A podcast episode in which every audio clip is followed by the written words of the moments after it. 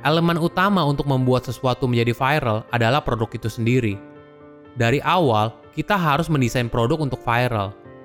Karena untuk menjadi viral bukan sebuah kesengajaan, tapi sebuah niat.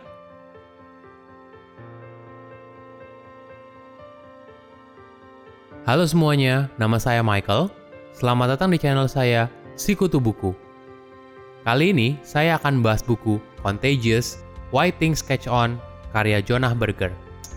Buku ini membahas alasan dibalik sesuatu yang viral.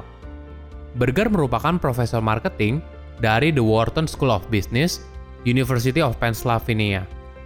Selama puluhan tahun, Berger telah melakukan riset alasan dibalik orang, produk, atau jasa yang viral. Dia menyimpulkan word of mouth mempengaruhi 20-50% keputusan penjualan. Tidak peduli barang atau jasa yang kamu jual, asal kamu melakukannya dengan tepat, maka pasti bisa viral. Burger membaginya menjadi 6 prinsip dasar alasan sesuatu menjadi viral. Yang pertama, social currency. Apakah orang terlihat keren ketika ngomongin hal ini? Burger 100 dolar.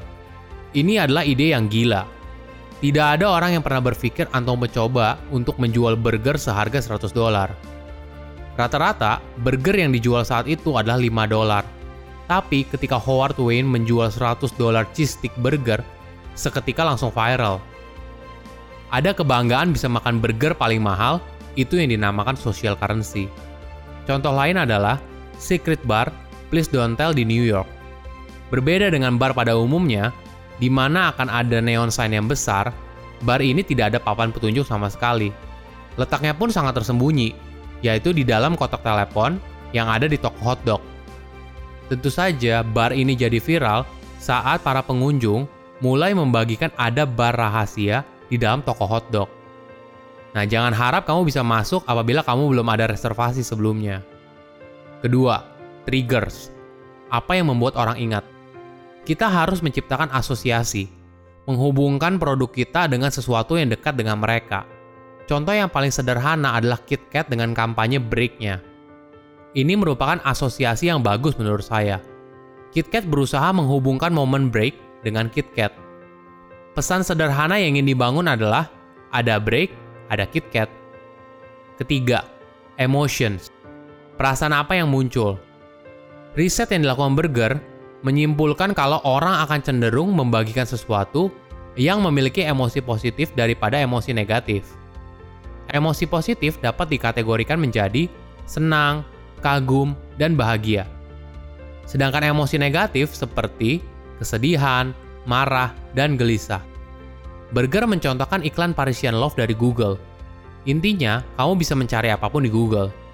Tapi, Google membungkusnya dengan cerita tentang seorang laki-laki yang kuliah di luar negeri, yaitu di Paris.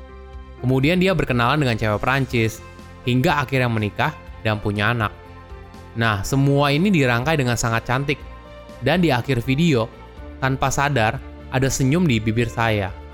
Itulah hebatnya Google memainkan perasaan saya di video tersebut. Keempat, public. Apakah banyak orang yang tahu?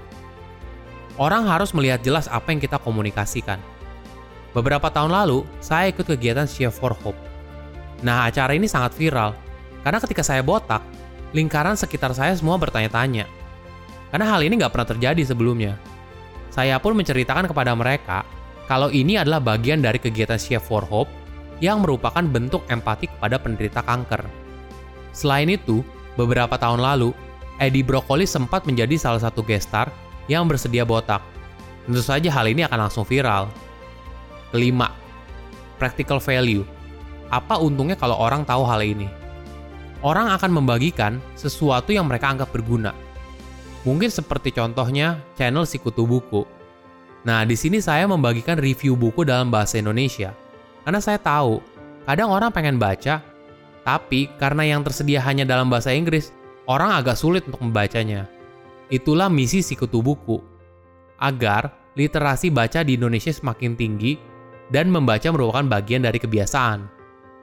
Keenam, stories. Cerita apa yang menarik? Orang tidak hanya membagikan informasi, orang membagikan cerita. Burger mencontohkan sebuah blender bernama Blendtec. Kalau iklan Blender pada umumnya bercerita soal banyak informasi teknis, orang awam pun nggak ngerti itu apaan. Blendtech malah membuat video Blender iPhone X. Gila kan? Ini yang membuatnya viral. Blendtech nggak bicara soal kemampuan Blendernya, tapi dia cukup bercerita bahwa Blendtech mampu memblender iPhone X sampai jadi butiran debu. Nah orang awam udah ngerti nih kecanggihan dari blendernya. Elemen utama untuk membuat sesuatu menjadi viral adalah produk itu sendiri. Dari awal, kita harus mendesain produk untuk viral. Karena untuk menjadi viral bukan sebuah kesengajaan, tapi sebuah niat. Silahkan komen di kolom komentar, insight apa yang kalian dapat ketika baca buku ini. Selain itu, komen juga mau buku apa lagi yang saya review di video berikutnya. Saya undur diri, jangan lupa subscribe channel YouTube Si Kutu Buku untuk versi animasinya. Bye bye.